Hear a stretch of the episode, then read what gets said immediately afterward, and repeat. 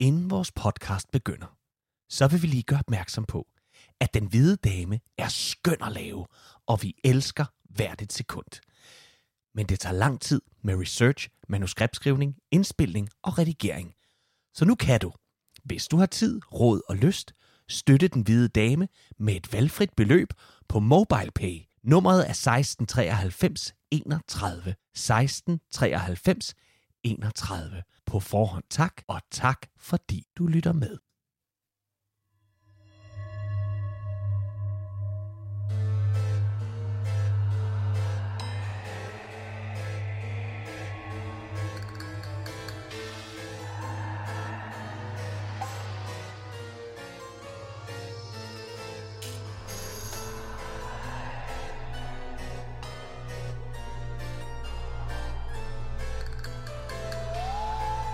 Du lytter til Den Hvide Dame.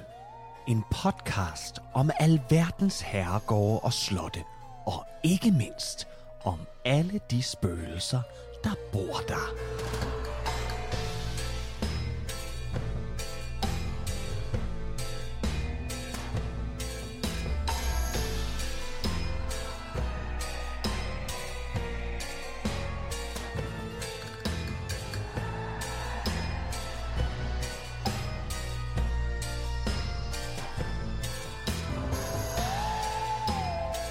Velkommen til Den Hvide Dame, afsnit 32. Hvis du er til ren københavneri og selveste fanden selv i Laksegade, så ville det være dumt at finde en ny podcast at lytte til lige nu. Mit navn er Trine Gadeberg, og overfor mig sidder Kasper Lefebvre. Jamen, det gør jeg da. Det gør du da, Ja. Yeah. Kasper. Hvad tænker du om københavneri? Ja, det er noget københavneri. Vi er i København i dag, og dagens afsnit skal handle om øh, Christiansborg og, øh, og, og omegn. Vi blev lidt inspireret sidste gang af, af Aarhus, at man ligesom lige tog det lidt rundt i en eller anden radius af et par kilometer fra Arnestedet af Aarhus Domkirke. Yes. Så det gør vi i dag, hvor vi øh, besøger Christiansborg og fortæller historien om Christiansborg. Ja. Og så bevæger vi os ud på sådan en lille byvandring bagefter, hvor du ligesom tager os med rundt til... Til de mest hjemsøgte steder Ja. ja. i København. Men jeg kan lige så godt sige, der er simpelthen... Der, vi, kunne, vi kunne have lavet en podcast mere omkring bare, bare spøgelserne og, og, og alt det konspirationsteori, der er om tal. Og jeg ved, altså, hvor Ja. Frue Kirke er jo fyldt med, med djævelskab, og der er talspekulation eller Ja, sådan noget. Og øh, Københavns øh, rådhus er jo også... Spækket til med- Der er flere symboler på det, end der er symboler. inde i hele Frimurlogen, tror jeg. Ja. Øhm, der er øh, rigeligt at tage fat på, og derfor så har vi taget lidt hul på det i dag. Og you never know, måske vender vi tilbage og, og vender nogle af de, de her andre elementer af København, for der er nemlig masser. Jeg kom lige, faktisk lige til at tænke på nu her, da jeg nævnte Frimurlogen. Der var jo rygter i mange år om, at der er en gang under logen over til Rigshospitalet. Ja. Øhm, øh, om at der de gange der, og nogle mener det er fordi de gamle læger jo var frimurer, så gik de derfra over, øh, når de skulle i loge, men der var også noget med, hvad, hvad er det, de render og laver imellem hver af de der ting og sådan noget. Og apropos ride, Mm. så har jeg fra pålidelige kilder, øh, at øh, optagelserne til Rides øh, tredje sæson er gået i gang på selve Ride. Er det rigtigt? Ja. Så kan det være, at jeg skal til at se første og anden afsnit. Du har aldrig set øh, det? sæson. Nej, jeg har Du aldrig, har aldrig set den? Nej, Ej, aldrig. Trine, det skal vi. Det er vi Ja. nødt til at gøre. Ja, det gør vi. kan, øh, kan man finde dem et sted? Så, ja, ja, jeg tror endda, de ligger på Netflix nu, hvis Nå. den da. Ellers ligger det på Danmarks Radio. Okay. Øh, de smadrede min øh, nattesøvn, da jeg var barn. Det kan Okay. jeg godt love dig for. Kan de smadre min også? det kan de sikkert godt. Ja. Men jeg tænker på, øh, skal vi ikke bare se at komme i gang med Lad os Christiansborg? da springe ud i det.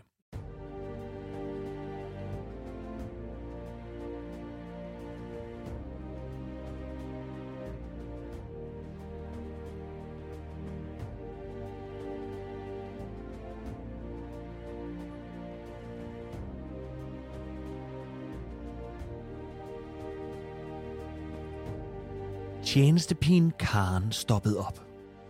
Hun kunne lugte røg. Ikke tobaksrøg, som ellers var en hyppig duft rundt omkring på det enorme kongeslot Christiansborg.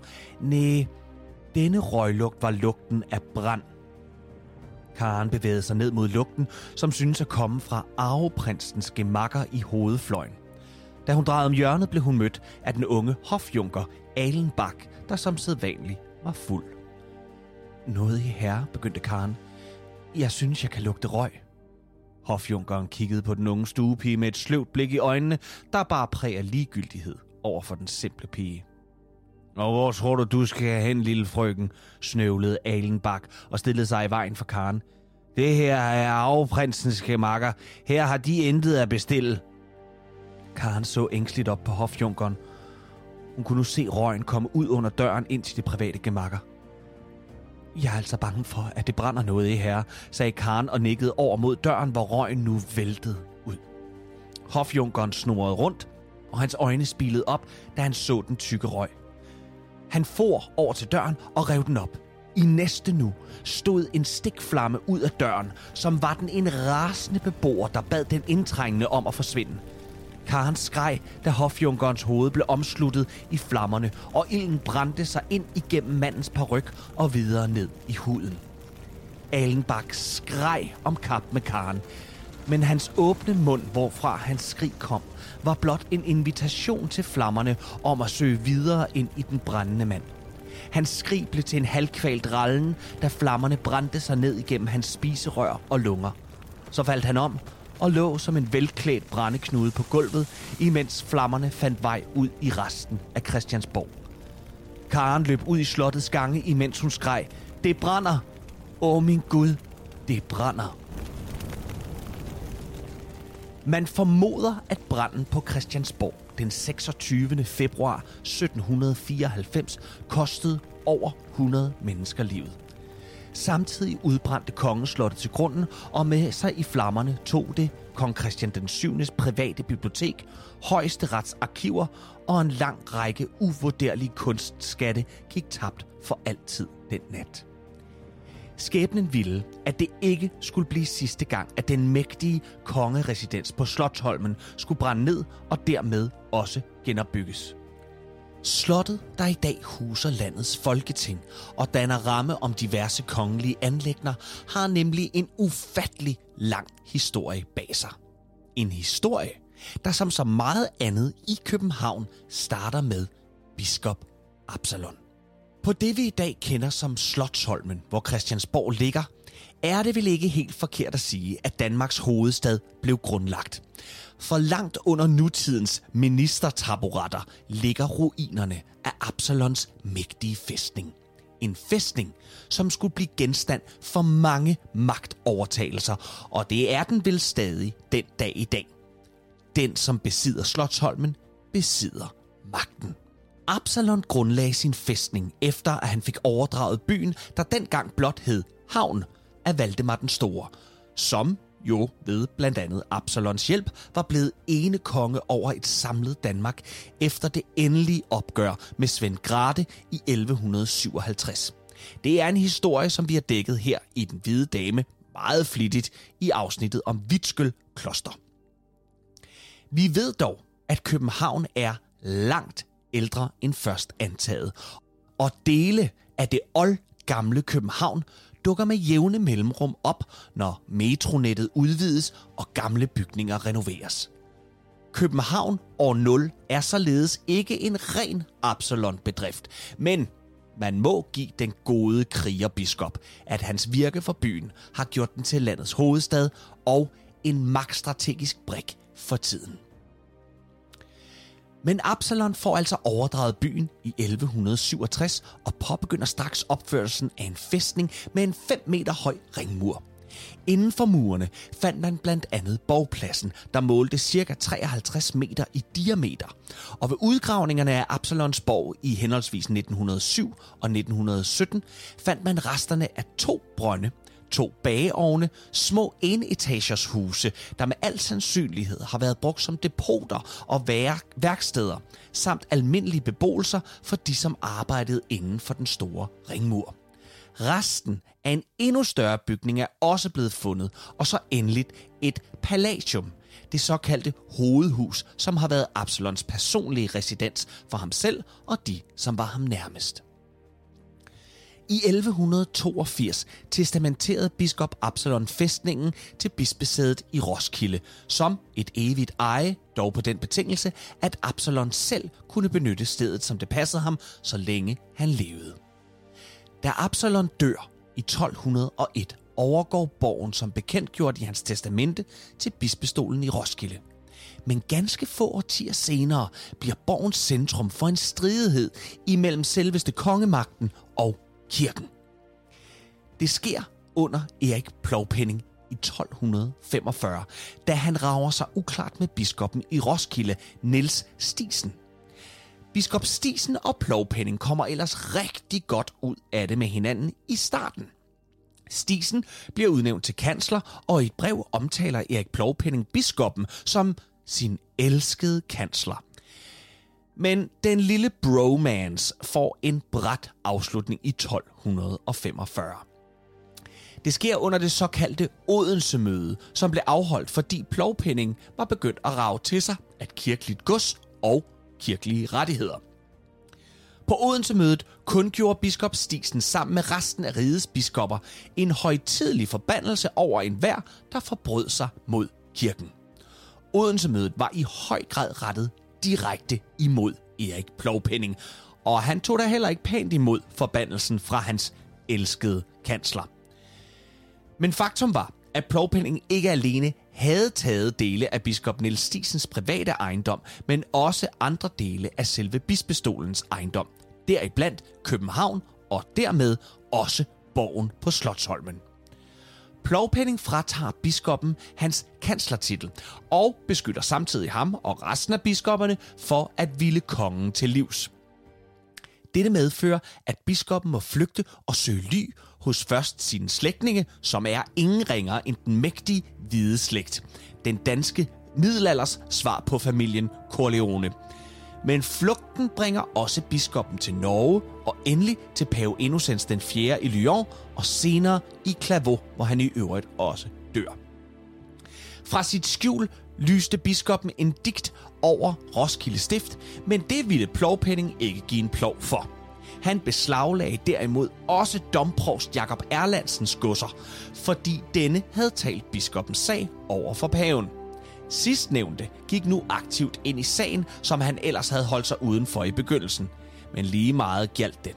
Plovpenning ville ikke give sig, og det fik der også først en ende, da Plovpenning endelig døde. Se, Plovpennings død er i sig selv ret interessant. Han ligger nemlig for uden paven og kirken også i kamp med sin bror Abel, som var hertug af Slesvig. Et område, som Erik længe havde ønsket sig. Det lykkedes der også Erik at erobre størstedelen af Slesvig i 1250, og da han skulle ordne formaliteterne med broderen Abel efter dennes nederlag i selve Slesvig, blev Plovpenning pågrebet, og hans mænd blev dræbt. Man sejlede kongen ud på den nordtyske indfjord Slien. Hvem har sat jer op til dette? skreg Plovpenning af hans ukendte tilfangetager. Er det min bror? Og om det var Abel? Se, det ved vi ikke. End ikke den dag i dag. Men Plovpenning fik den 10. august 1250 hugget sit hoved af på slien, og hans lig blev kylet i vandet. Det lykkedes dog Abel at forsvare sin uskyld igennem 24 ridere, der alle sværede hans uskyld på landstinget i Viborg, og herefter blev han konge af Danmark. Men kun i halvandet år, da han blev selv blev dræbt under et opgør med friserne på Husumbro i Nordtyskland, da han forsøgte at gennemtvinge et skattekrav over for dem. Så det er lidt et mormysterie, vi har at gøre med her, Trine. Ja. Hvor man kan sige, at Plovpenning jo allerede på det her tidspunkt har mange fjender. Han har hvideslægten, og det var derfor, jeg ligesom sagde, de, de, var, de var jo datidens uh, Corleone-familie. Dem skulle man ikke grave sig uklart med. Og, øh, og derfor så kan man sige, Abel er jo nok det bedste bud på Plovpennings morder. Mm.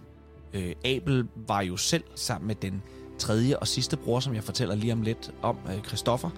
Altså Abel, Christoffer og Erik, de var brødre, og øh, Abel og Erik, øh, Abel og Christoffer, de var egentlig ret sikre på, at øh, de også skulle have del af kongeriget Danmark, da Erik Blåpæring satte sig på tronen, men det gjorde de ikke.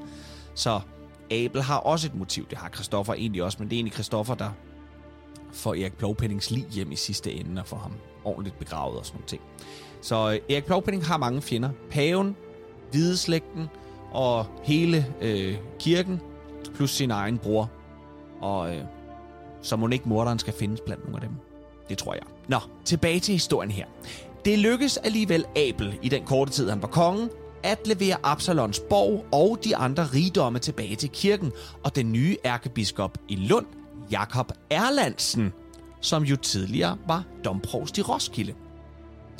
Men stridighederne sluttede ikke her for ærkebiskop Erlandsen og den nye konge, nemlig Plovpenning og Abels bror Christoffer den Første, for de to de røg i totterne på hinanden. I korte træk mindede konflikten i høj grad om den, som Plovpenning og biskop Stisen havde været igennem år forinden, nemlig magtforholdet kronen og kirken imellem. Og borgen på Slotsholmen blev på ny beslaglagt af kronen. Og sådan ruller det frem og tilbage mellem konger og hertuger og kirken. Ja, sågar gør selve Københavns borgere på et tidspunkt oprør og forsøger at storme borgen i 1275. Det var dog på grund af nogle vedtægter fra biskoppen. Absalons borg lagde også sal til trolåelsen og senere til brylluppet imellem Margrethe den 1. og Håkon den 6. i 1363. Et ægteskab, som jo skulle bane vejen for selveste Kalmarunionen. Så der er der sket lidt på Slottholmen. Men i 1368, der er det slut med Absalons borg. Valdemar Atterdags fjender, Hanseforbundet, de holstenske grever og Albrecht af Mecklenburg indgår nemlig i en koalition og erobrer København og dermed også borgen, som året efter i 1369 bliver revet ned. Ruinerne de bliver tildækket med en banke, og kort tid efter påbegynder man opførelsen af en ny fæstning. Bygherren er enten Valdemar Atterdag eller den på det tidspunkt regerende biskop i Roskilde, Niels Jacobsen Ulsted. Da Ulfsted, undskyld. Da Atterdag dør i 1375, går råderetten over borgen tilbage til bispestolen i Roskilde. Se, uanset hvad, så bliver den nye fæstning senere kendt som det, vi i dag kender som Københavns Slot. Vi ved ikke præcis, hvornår slottet står færdigt, men fra nogle protokoller fra 1387 nævnes en høvdsmand på stedet, så der må have ligget noget færdigt her på det her tidspunkt. Men det bliver altså Erik af Pommern, der i 1417 efter 200 år med konstante stridigheder sikrer sig borgen og dermed også sikrer den for den danske krone fremadrettet. Københavns Slot bliver nu Danmarks magtcentrum, da kanseliet også opholder sig der. Og det er ovenikøbet også fra Københavns Slot, at Erik af Pommerns dronning, den engelske Philippa, leder forsvaret mod Hansa-forbundet, da de endnu en gang forsøger at tage København. Københavns Slot som kongelig residens sker under Christoffer af Bayern, der fra midten af 1400-tallet opholder sig der sammen med kanseliet og Danmarks skatter bliver også bragt til tårnene på Københavns Slot. Og så er det også Christoffer, der opretter Rides administrationsarkiv og lader det huse på selve slottet. Han bliver gift med dronning Dorothea på Københavns Slot, og dronningen hun bliver igen gift fire år senere med Christoffers efterfølger, nemlig Christian den Første. Og der er kongelig bryllup igen i 1515, da Christian den anden gifter sig med Isabella af Habsburg. Efter reformationen får Københavns Slot sin første egentlige udvidelse under Christian den 3. Slottet det er godt medtaget oven på belejringen af København 1535-36 under Grevens Fejde, og man lader nu helt og holdent slottet gå fra fæstningsanlæg til residens. Christian udvider voldgraven og opfører en række bygninger til administration, små havne og et værfsanlæg til floden. I 1576, der er det en vis kong Christian den 4., der bliver kronet til konge over Danmark. Og det fejrer han selv ved at lade det berygtede indgangstårn til slottet Blåtårn forhøje med et spir. At kongens egen datter en dag selv skulle sidde i det berygtede Blåtårn og bruge 22 år af sit liv der, havde den unge konge ved indvielsen af spiret næppe selv kunne begribe. Blandt Blåtårns andre celebre fanger, der kan nævnes blandt andet Christian den andens egen lensmand på selve Københavns Slot, Torben Okse, som blev halshugget på Gråbrød Torv i 1517 for det formodet giftmor på kongens elskerinde, Dyveke Sigbrigsdatter. Hende har vi også snakket om før. Blandt gejstlige fanger, jamen der finder vi også Roskilde Stifts sidste katolske biskop, nemlig Joachim Rønnow, som sad der fra reformationen og indtil sin død i 1542. Og endelig, så har vi den stakkels Maren Splids, som blev tortureret og mishandlet i Blåtårn, før hun blev bragt til hjembyen Ribe og brændt som heks den 10. maj 1641. Ved begyndelsen af 1700-tallet er Københavns Slot efterhånden en såkaldt stående joke blandt Europas fyrster og kongelige. Det er simpelthen pinligt forfalden, mørkt og visse steder for småt og absolut ikke en konge værdig. Derfor beslutter Frederik den 4. at lade det gennemgå en renovering og en såkaldt makeover. Voldgraven bliver fyldt op og planeret. Slottet forhøjes til fem etager. Grundplanet bliver rettet til og får den her femkantede barokstil. Men dette afstedkom en om muligt endnu mørkere slotskov, som gav Europas konger og fyrster klaustrofobi. Det var efter næsten 30 års byggeri i 1728 kort sagt kun blevet værre. Så, to år efter, i 1730, der lod Frederik den 4. efterfølger, Christian den 6., hele herligheden rive ned og påbegyndte opbygningen af et nyt, bedre og mere moderne slot, nemlig Christiansborg. Vel at mærke, det første Christiansborg. Vi har nemlig haft i alt tre udgaver. Det første Christiansborg står færdigt og bliver indtaget den 26. november 1740 af hele kongefamilien, som under kanonsalutter og folkejubel flytter fra deres midlertidige bolig på Frederiksberg Slot og ind i det nyopførte Christiansborg, som var state of the art. Et smukt firefløjet rokokopalads med tilhørende ridebane og egen slotskirke. Se, det var et ufatteligt dyrt byggeprojekt, som kostede, og hold nu fast, halvdelen af et års indtægt for hele kongeriget Danmark. Men i 50 år, der danner det rammen om det danske hof, og det vagte også stor anerkendelse i de andre monarkier, som nikkede billigende til, at verdens ældste kongedømme nu endelig havde fået et slot, der matchede dem. Og så er vi faktisk tilbage ved begyndelsen af min fortælling, fordi i 1794 udbrød en kæmpe brand på slottet, som brændte ned til grunden. Man formoder, at det startede i arveprins Frederiks gemakker i en skovsten. Man havde i den enorme sum, som slotten havde kostet, lige glemt at tage højde for brandsikkerhed. Og resultatet blev altså, at over 100 mennesker døde, samt tabet af uvurderlige kunstskatte. Man tog hurtigt initiativ til at bygge et nyt slot, men processen den blev yderligere forsinket, da man allerede året efter oplevede en af de største katastrofer i Københavns historie, nemlig Københavns brand i 1795, som gjorde 6.000 af byens 100.000 borgere hjemløse, da over 900 huse udbrændte totalt. Men af andre totalskader under branden, der kan tælles blandt andet Nikolajs Kirke, Gammeltorv, Nytorv, Lars Bjørnstræde, Studiestræde, Kattesundet, Kompanistræde, Knarbrostræde og et hav af andre bydele og gader i København. I ruinerne omkring Christiansborg brugte man det, som ikke var brændt helt ned, til at genhuse folk og opbevare fornødner for byen, som kæmpede for at få hovedstaden på benene igen. I 1800 blåstemplede man byggeplanerne for det andet Christiansborg, som blev tegnet af arkitekten C.F. Hansen, som byggede det nye Christiansborg i en mere klassicistisk stil, med store, ubrudte flader, og hele herligheden tog næsten 25 år at bygge færdigt.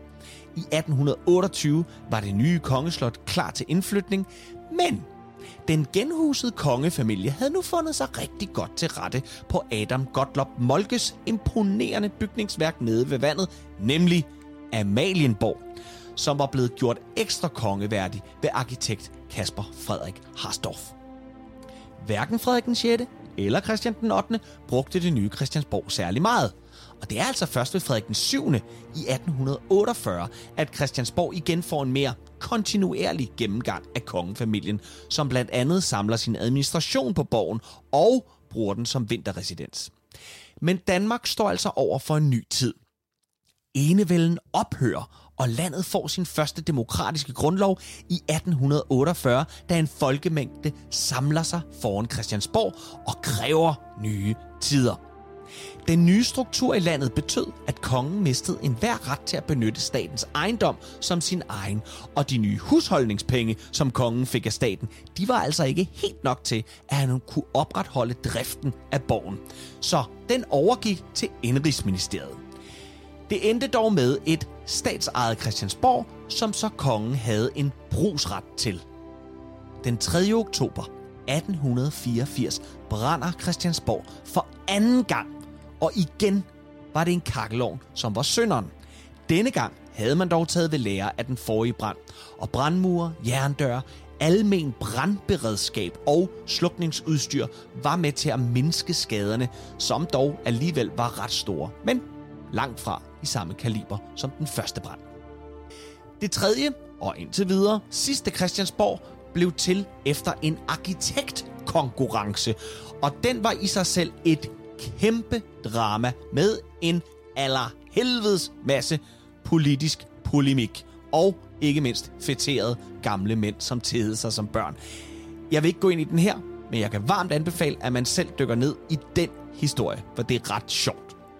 Men efter en del ballade, som blandt andet også blev blandet sammen med den berømte påskekrise, hvor Christian den 10. trods et uenigt folketing fyrede ministeriet Sale i håb om et flertal for at indlemme Flensborg i Danmark, ja, så påbegyndte man byggeriet af det tredje Christiansborg i efteråret 1906, lige godt 20 år efter branden. Den 16. december 1927 blev borgen formelt overdraget til staten, og resten er, som de kloge mennesker siger, historie. Men borgen på Slottholmen indeholder en del mere uhygge end magtbegærlige politikere og sandhedsfordrejende spindoktorer. Vi skal nemlig nu høre om spøgelserne og uhyrlighederne, der driver fra Christiansborg og ud i de københavnske gader.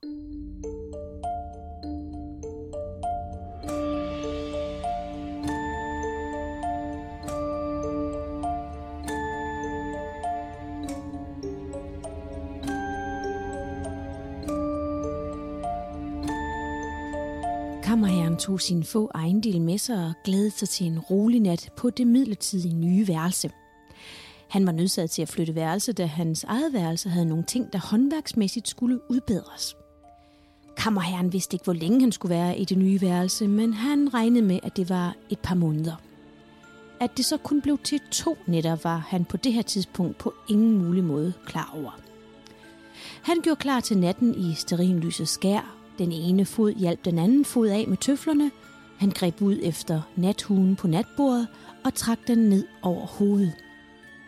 Så bankede han puden lidt, lagde den godt til rette og kravlede ind under dynen. Efter nogle timer var der høj søgang i hele rummet, forårsaget af de kraftige snorkkammer herren udsendte. Men snart overdøves denne larmende trækken torskeland af en ganske anden lyd. For præcis på slaget et var der vildt tumult på trappen lige uden for døren. Og kammerherren vågnede med et spjæt. Ja, faktisk lige midt i et snork. Han hørte folk løbe ned ad trappen i en gigantisk fart efterfuld af lyden af hestevogn, der ligeledes med en vældig fart kørte ud af vognporten. Kammerherren fik sig bølet hen til vinduet, men det var alt for sent til at kunne se, hvem der havde så utroligt travlt med at komme ud af døren, for der var ingen. Han tænkte ikke yderligere over det og kryb til køjs igen. Men natten efter, præcis klokken et, skete det samme. Folk løb ned ad trappen i den her gigantiske fart, efterfulgt af lyden af hestevogn, der ligeledes med en vældig fart kørte ud af gårdspladsen og væk fra slottet. Igen nåede han ikke at komme op og se, hvem det var, der forlod slottet i en så hæsblæsende fart.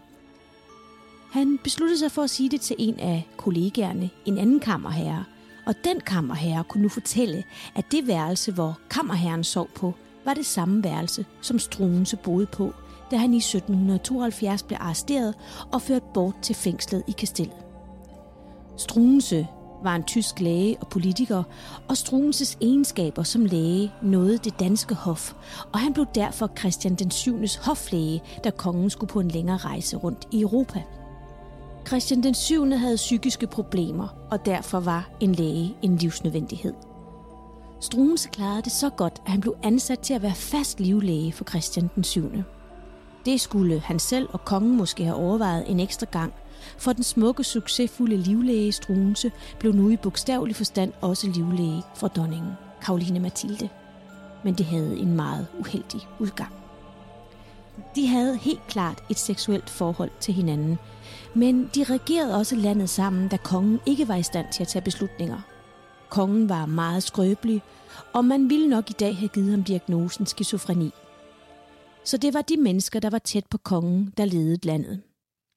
Udover at være mor til Frederik den 6., fødte Karoline Mathilde en lille prinsesse i juli måned 1771. Og der er stærke indicier for, at faderen til dette barn var Strunse. Hun blev kaldt for Karoline Amalie og blev senere gift med Christian den 8., og dermed blev hun selv dronning. Dronning Karoline Mathilde og Strunse fik lavet en hel del reformer. De moderniserede og forandrede riget og fik mere end 2.000 kabinetsordre sat i søen. Men tiden var ikke til alle de forandringer og forenklinger, så folk så sig sure på Strunse og også det lidt for tætte forhold, han havde til dronningen. Så ved et kup foranlediget af enke dronning Juliane Marie.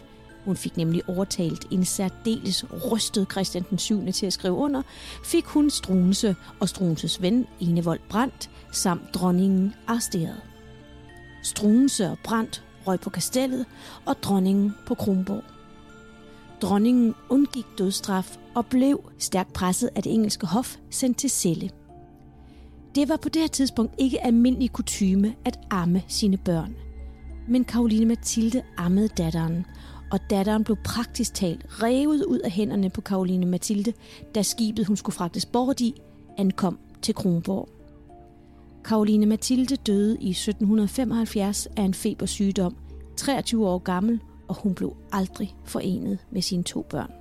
Det er altså trist, synes jeg. Frygtelig, frygtelig historie. Ja. Struense fik dødsdommen, og en af begrundelserne var majestætsfornærmelse. Enevold Brandt fik ligeledes dødsdommen. Det gjorde han, fordi Christian den 7. påstod, at Enevold havde overfaldt ham. Men det skal hermed siges, at Christian den 7. elskede slåskampe, så han havde selv opfordret Enevold til det. Men fordi han var Struenses ven, ja, så var dommen altså ekstra hård. Så den 28. april 1772 strømmede københavnerne til Østerfællet, hvor de begge skulle se halshugningen af Enevold og Struense. På det her tidspunkt var der flere måder, man kunne blive henrettet på, og bødlen kunne faktisk starte sin tortur allerede på køreturen fra fængslet og til henrettelsespladsen. Det gjorde han blandt andet ved at brænde forbryderne med glående pinde. Og så var der også de forbrydere, der blev straffet ved, at de i ni uger blev pisket, hvorefter deres dødstram dernæst blev eksekveret. Det kunne for eksempel være døden ved hjælp af redbrækning. Redbrækning var, at man kørte et hjul nedefra og op og knuste hver eneste knogle hjulet mødte på sin vej. Og når alt var knust, så huggede man hen og hovedet af med en økse. En ganske barbarisk måde at øh, fratage et liv på. På forestiller det, Kasper. Først venstre ben, og så venstre arm, og så den næste højre ben, og, venstre, og, så, og så brystkassen, ikke? Mm. Et kæmpe stort, tungt hjul. Vi har jo snakket om det mange gange før. Altså, jeg ved ikke, hvad der er mest ulækkert, at man gjorde det, eller at nogen har siddet og udtænkt de her Jamen, det er jo tortur-ting. Altså, det er så forfærdeligt. hold kæft, mand. Han Ja. kan altså være rimelig speciel i hovedet, ikke? Og så var der så dem, der så var knap så heldige, for de fik ikke øh, hovedhugget af, men de fik lov til at dingle helt redbrækket til døden, inden de udfriede dem. Det er jo også forfærdeligt. Ja. Altså, de knækker hver eneste knogle, og så hænger de nærmest kun tilbage, øh, heller- hænger sammen i, i scenerne, ikke? Ja. og så hænger man dem bare, så kan de dingle der til, der ikke var mere tilbage. I Christian den 4. tid, der blev gudsbespotter en videre straffet med at få tungen kappet af, inden de fik hovedet kappet af. Altså, det vil sige, tungen blev revet ud. Altså, det er så vildt. Mm. Men Struense og Enevold øh, Brand, de var altså heldige, hvis man kan sige det på den måde, for de kunne nøjes med at få hoved og hænder kappet af. Deres øh, dele blev sat på otte hjul og stejler, og deres hoveder anbragt på stager, og så blev de fragtet til Vesterbro, og der hang de indtil 1775. Altså i tre år hang de der. Og udelukkende fordi Juliane Marie, altså øh, enkedronningen, elskede hvert en minut af, at de hang der. Det var til stor morskab for hende. Mm. Altså, det er tre år, man har, man har kunne se dem på de her stager, ikke? Jo. Det må have været en forfærdelig lugt. Helt, helt forfærdeligt. Jeg, jeg, jeg er nødt til at sige en ting. Jeg har altid har tænkt lidt om, omkring den der ting med struense og sådan nogle ting. Ikke? Fordi selvfølgelig kan man jo ikke styre, hvem man bliver forelsket i. Det, det må man jo bare give manden. Og selvfølgelig er der ikke nogen, der skal henrettes, men det gjorde man jo dengang. Struense har altså haft balls. Det må jeg bare sige. Også selvom kongen var øh, skingrende sindssyg. Altså, det, det er et eller andet sted øh, en lille bitte smule usmageligt, er jeg nødt til at sige.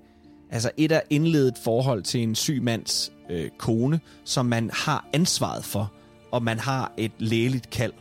Og dernæst begynde at bruge det til at ændre og lave reformer, hvor end fine og gode og moderne de var, og Struense var en, en, en fremadsynende mand, så er hele misæren, den taler ikke til Struenses fordel. Altså, jeg synes, øh, jeg synes faktisk ikke, han gebærder sig særlig godt. Du synes, han skulle holde, snittet, øh, hold- holde snitterne Ja, fra? selvfølgelig holder man snitterne fra andre øh, mm. Mm. mænd og kvinders mænd og kvinder, men man har også et lægekald, mm. og det føler jeg, han udnytter. Mm. At han udnytter en svag person til at, at rage magt til sig.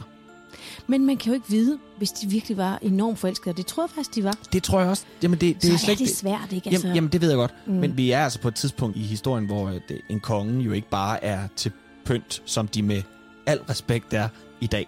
Mm. De har altså haft magt, og han var sindssyg. Og, og, og Struense, øh, synes jeg, udnytter det. Mm. Øh, desværre. Ja. Ja. det kan være. Det er min egen personlige Jamen, holdning. det- Men den må du også have, Kasper. Ja, sådan sagt. Og så går jeg videre. Det er godt. Lige så Undskyld. stille. Det Undskyld. gør ikke noget. Spøgelset af Struense viser sig flere steder i København end på Christiansborg. For i 2004 havde der været koncert øh, i parken, og en ung musiker var på vej hjem. Og lige pludselig midt i parken, der kunne han fornemme en særdeles sød parfume, og han vendte sig om for at se, hvem der gik bag ved ham. Det måtte være noget af en skørtejæger, tænkte han med sådan en sød parfume på. Øh, men der var ikke nogen. Og så lige pludselig så får den her unge musiker et astmaanfald. Eller det føltes som et astmaanfald, for han kunne ikke trække vejret. Og der er også andre, der har oplevet den her søde, kraftige, stærke duft, og man forbinder den altså med Strunse. Fordi han var kendt for at være temmelig forfængelig. Ham og Karoline Mathilde fik indrettet et marmorbadeværelse øh, på Frederiksberg Slot. Faktisk med spejl i loftet, for så kunne de se sig selv bade. Den skal vi have et billede af. Jeg, jeg har set det. Har det er ret, ja, det er ret fint. Ja. Det er ret fint. Det var på det her slot, Frederiksborg Slot, at de yndede at være sammen. De gik tur i parken, arm i arm. Ikke? Det var også temmelig våde, de gjorde det. Det er det, jeg mener. Ja. Og der var en hemmelig dør fra Struenses værelse til Karolines soveværelse. Og man kan stadig i dag høre listende fodtrin og se fodaftryk på gangen, hvis man altså vel at mærke gør sig den ulejlighed at strø mel på gulvet. Men der, hvor det spørger allermest, er på førnævnte badeværelse. Mm. Fordi flere af de mennesker, der har boet på Frederiksberg Slot, har berettet om, at de hver lørdag aften kan høre, at der fyldes vand i badekarret. Nogen bader derinde. Og dagen efter er der altså endnu et bevis øh, på, at der har været lidt øh, spirituel aktivitet derinde, fordi der er nemlig fugt på badeværelsespejlet. Mm. Man kan læse meget mere om Struense og Karoline Mathilde. Der er skrevet bøger, der er lavet film, og der er så, sågar lavet en musikforestilling, den hedder Hofskandalen, som Ben Fabricius Bjerre har komponeret, og som jeg selv har medvirket i. Åh. Ja, jeg spillede sådan en jomfru, Ja. ja. jomfru, som øh, blandt andet var med til at strø mel på gangene. Er det for, rigtigt? for at afsløre Nå, hvor sjovt. Struense og Karoline Var det Mathilde. før, du var ude og sådan at fast synge med, med Bent dengang? Ej, det var der omkring. Det Ja. var i 2004 eller sådan noget. Okay. Nå, tilbage til Christiansborg. Ja. For et af de allermest berygtede steder var Blåtårn. Blåtårn, som du også nævnte, Kasper, ja. Ja. det fik altså sit navn på grund af det her blå kovertag, som det havde. Det var 28 meter højt, og så var det inddelt i forskellige etager. På tredje sal var fængslet, hvor Leonora Christine var indsat. Du sagde 22 år, men det er faktisk 21 år, Okay. 9 måneder og 11 dage. Ah, okay. Ja. Godt og vel 22. Ja. ja men det, du får den. Det var godt. På øverste etage, der finder man alle de her torturredskaber. Der var pinebænken blandt andet, og så var der også den her spanske kappe, som Ad. vi også øh, har nævnt førhen. Ja. Og aller nederst i kælderen, faktisk neden under kælderen, helt underjordisk, var der noget, som de kaldte for troldhullet. Det var, det var det værste sted, hvor de værste fanger kom ned. Der blev, øh, der blev fangerne hejst ned øh, med et reb. Fordi de her sidevægge, de var så glatte som æg, så det var umuligt at komme op igen. Leonor Christine, hun sad i et meget, meget lille rum den første uge, og der var en ulidelig stang, fordi øh, fangerne før hende havde brugt væggene som toilet.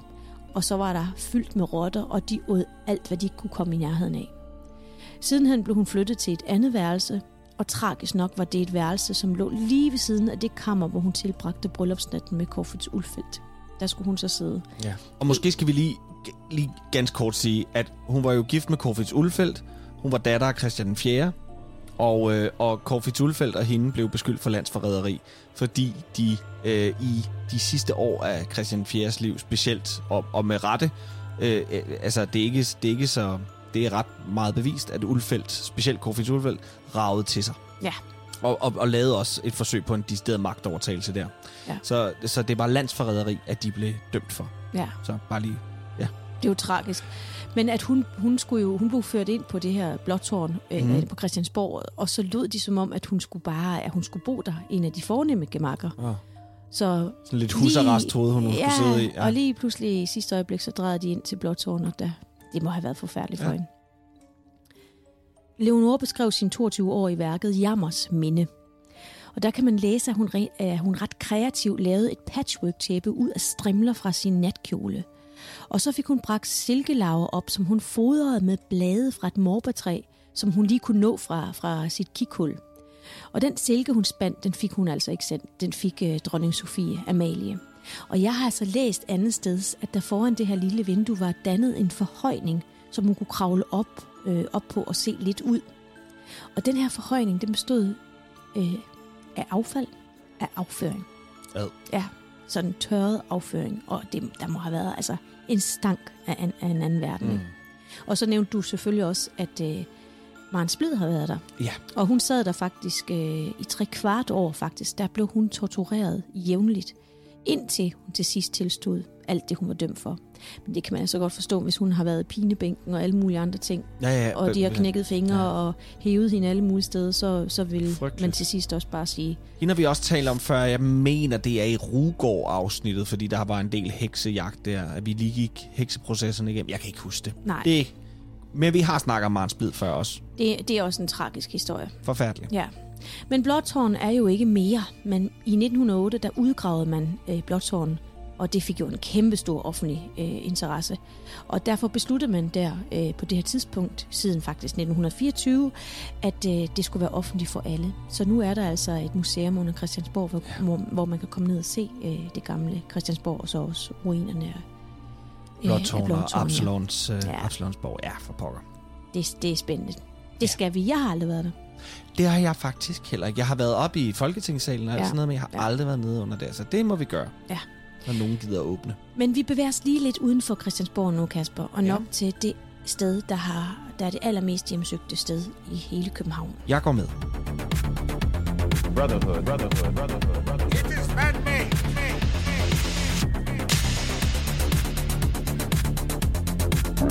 I starten af strøget lå der indtil for omkring 12 år siden diskotek Absalon. Måske mere kendt som den jyske ambassade, fordi her kom yderne, når de skulle have en rigtig, rigtig god fest. Men diskotek Absalon har flere lyde end diskorytmerne her, for øh, der har virkelig været travlt for diverse ånder.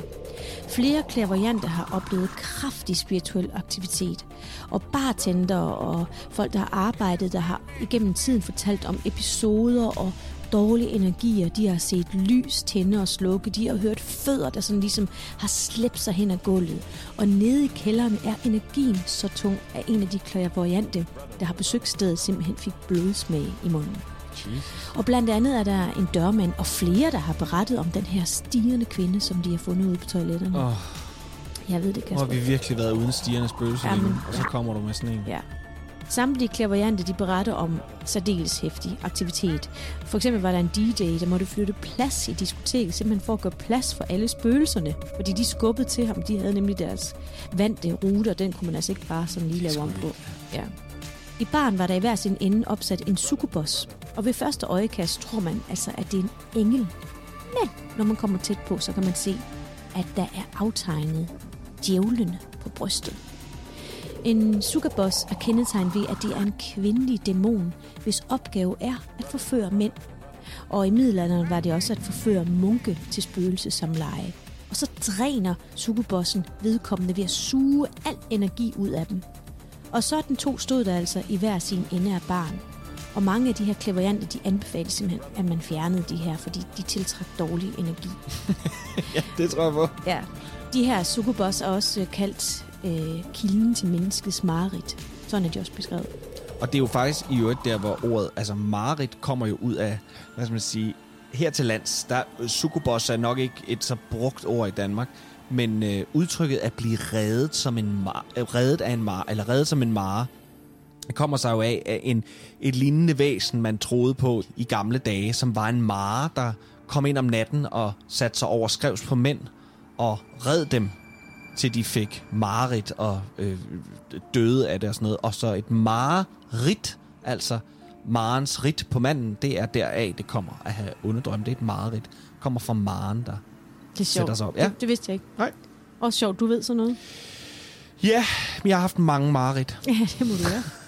I 2008 der valgte man simpelthen at rive bygningen ned for at bygge en ny bygning. Og det gav altså arkeologer muligheden for at undersøge jorden. Her gjorde man makabre fund, og måske endda også kilden til, hvorfor diskoteket var så hjemsøgt. Fordi under en udgravning, der fandt man over 500 skeletter lige under diskotekets kælder. Og de 250 af skeletterne var børneskeletter. Fordi i middelalderen lå der en kirke, St. Clemens Kirke, og der var selvfølgelig også en, en kirkekår til den her kirke. Man gjorde mange flere fund. Blandt andet fandt man på et barneskelet en kovermønt. En kovermønt, som man kunne datere helt tilbage til omkring 1070. Og man kunne desuden også ved flere af de begravede skeletter se, at de lå med, med kroppen i en anden retning. Og dermed øh, måtte der simpelthen være en kirke, der var endnu ældre end St. Clement. Mm. Øh, fordi St. Clement var bygget op af sådan nogle røde mursten, som man først brugte i midten af 1100-tallet. Så derfor kunne man simpelthen med sikkerhed sige, at St. Clement havde ikke ligget der før midten af 1100-tallet. Og ganske rigtigt, fordi under en udgravning, som man lavede under Rådhuspladsen i forbindelse med den nye metro, altså byggeri Ja. øh, i 2018, der fandt man et klokkestøberi.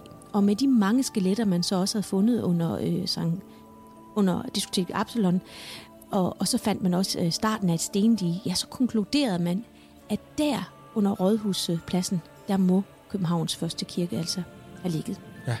Så der er ikke noget at sige til, at der har været livlig aktivitet på diskotek Absalon, hvis der har været sådan to kirker mm. og kirkegårde. Så der er Altså helt op til rådhuspladsen nede fra strøget af, mm. Mhm. og den vej op der. Øh, jeg mener lige omkring, øh, omkring det der regnbuepladsen og sådan noget. Det er jo kirkegård Ja. og, og børn i særdeleshed, ja. Øh, der ligger der. Mm. Men altså hele København, hele Indre København det er en er bygget, bygget på lig. Ja. Ja. Altså der ligger så mange Skeletter. døde mennesker dernede under. Ja. Ja. I 1973 var der en voldsom brand på Hotel Hafnia, det der i dag hedder Hotel Kong Frederik. Der omkom 35 mennesker, hvoraf fem af de omkomne var børn. Mm. Man fandt de forkullede lige af en lille familie, bestående af mor, far og to små børn. De prøvede under den kraftige brand at søge lyd på badeværelset. De forsøgte at tænde for badeværelsesvandet og kravle op i badekarret. Men vandet kogte under den her voldsomme brand og fordampede altså. Det var en grusom brand, som jeg ikke vil gå i detaljer med. Men grund til, at jeg lige nævner den, er, at der er flere gæster på Hotel Kong Frederik, der alle fortæller, at de i dag stadig kan høre barnegråd og rindende vand. Og det er jo formentlig lydsporet fra den nat i, 3, i 1973, der stadig er i bygningen, altså den sidder i bygningen. Ej. Så jeg skal lige forstå, den der familie kravler op i et badekar med vand. Ja. For Og at, de, de åbner vandhanen ja. ja, og så kravler de op i det. for at ligesom beskytte sig selv mod Ja. ilden. Og så bliver de faktisk kogt levende. Det gør det faktisk. Det var dog forfærdeligt. Ja. Hotel d'Angleterre har også et spøgelse, eller faktisk flere, for gæster fortæller, at de mærker kulde og varme, som om der er nogen lige i nærheden af, af dem. Og personale fortæller om en gammel jødisk dame, som boede på hotellet i over 30 år, og som på sin helt egen vis ikke har forladt stedet. Hun går sådan og åbner døre. Og, og måske er det den jødiske dame, som popsangeren Robbie Williams oplevede, da han skulle give koncert i Danmark i 2006. Han nægtede at bo på hotellet. Han forlod skrækslagende hotellet, fordi han blev skræmt fra vid og sans ved, at en fløjdør åbnede og lukkede, åbnede og lukkede. Og det trak altså store overskrifter i hele verden. Jeg kan godt huske det. Jeg Ja. kan godt huske, der var det der med, at man tænkte, ej, det, det, var, det var god nok. Mm. Og han har snakket om det siden. Ja. Også i sådan nogle store interviews øh, i udlandet og sådan noget. Han fortalte om, den, om, om, den, om de frygtelige nætter, Den- han havde på, ja. på D'Angleterre. Ja. Klaverante siger, at spøgelser tiltrækkes af steder, hvor de har opholdt sig og haft en fest. Og fest har det altså været på D'Angleterre. Fordi der har været bebyggelse siden middelalderen, og under 1. verdenskrig, der var det et velbesøgt øh, dansested. At fanden er løs i Laksegade er et udtryk, som mange måske kender. Man bruger det typisk om en ellers ubetydelig situation, som lynhurtigt eskalerer og bliver en mindre katastrofe. Men man kunne vel også bruge udtrykket lokummet brænder. Men Laksegade er jo faktisk en gade i Indre København, som i fordomstid var en del af det berygtede minefelt, hvor de små beværtninger sørgede for at holde Københavns sømænd, luder og lommetyve i en relativt høj promille. Det er faktisk også et sted, man kaldte for mayonnaise-kvarteret. Ved du hvorfor, Kasper? Nej. Det er fordi mayonnaise kunne gå til, til mange af de her gadenavne, fordi de hed Ulkegade og Rejegade og Hummergade og Laksegade. Nej, og så sjovt. synes man bare, at uh, der gik mayonnaise til alle de her fisk. Så var det mayonnaise-kvarteret. Mayonnaise-kvarteret. Nej, hvor sjovt. Ja. Nå. Men udtrykket om Laksegade ved man faktisk ret præcis, hvordan opstod. Men om der er hold i historien, det ved vi ikke, men her er i hvert fald historien. Det er en tidlig morgen på Laksegade 15, 3. sal til venstre. Året er 1826. Familien Abrahamsen, som alle sover i samme stue, vågner med et sæt, da et gigantisk brag lyder ud fra gaden. Huset sætter sit datter far hen til vinduet og kigger ned på den brolagte gade. Der ligger en mand på jorden og kigger sig forvirret omkring. Det bløder fra hans tænding, og pigen kan nu se, at en stol har ramt manden. Folk stemler sammen omkring manden, som råber op mod vinduerne i gaden og beder vedkommende, som har kastet stolen, om at give sig til kende. Men der er ingen, der melder sig.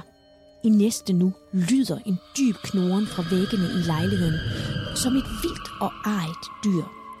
Knoren bliver til en snæren, og endelig lød et højt brøl, som synes at komme alle steder fra. Familien Abrahamsen kigger uroligt rundt på hinanden, og den yngste søn begynder at græde hysterisk. Nu kunne de høre, at de andre folk i opgangen på Laksegade 15 begyndte at komme ud af deres lejligheder. Alle havde hørt det samme, og ingen vidste, hvorfra de uhyggelige lyde kom fra. Over de næste mange uger tog det til med lydene fra væggene, som blandt andet også indeholdte banklyde og decideret tale fra mennesker, som dog var uforståeligt. Forbipasserende på gaden blev ramt af møbler, pindebrænde, kartofler, kasser og sågar bestik. Politiet blev tilkaldt, men deres efterforskning ledte ikke frem til nogen resultat. Ingen beboer i Laksegade kunne stilles til ansvar, da ingen beboer manglede hverken møbler eller bestik. Det var så godt som umuligt at finde ud af, hvor tingene blev kastet fra og hvor lydene kom fra. Men selvom politiet gav op, så havde Laksegades beboer en mistanke om, hvad hele misæren handlede om. Der boede nemlig en mystisk gammel dame på gaden, og flere havde set hende sidde i skæret fra et om natten og læse i en mystisk gammel bog.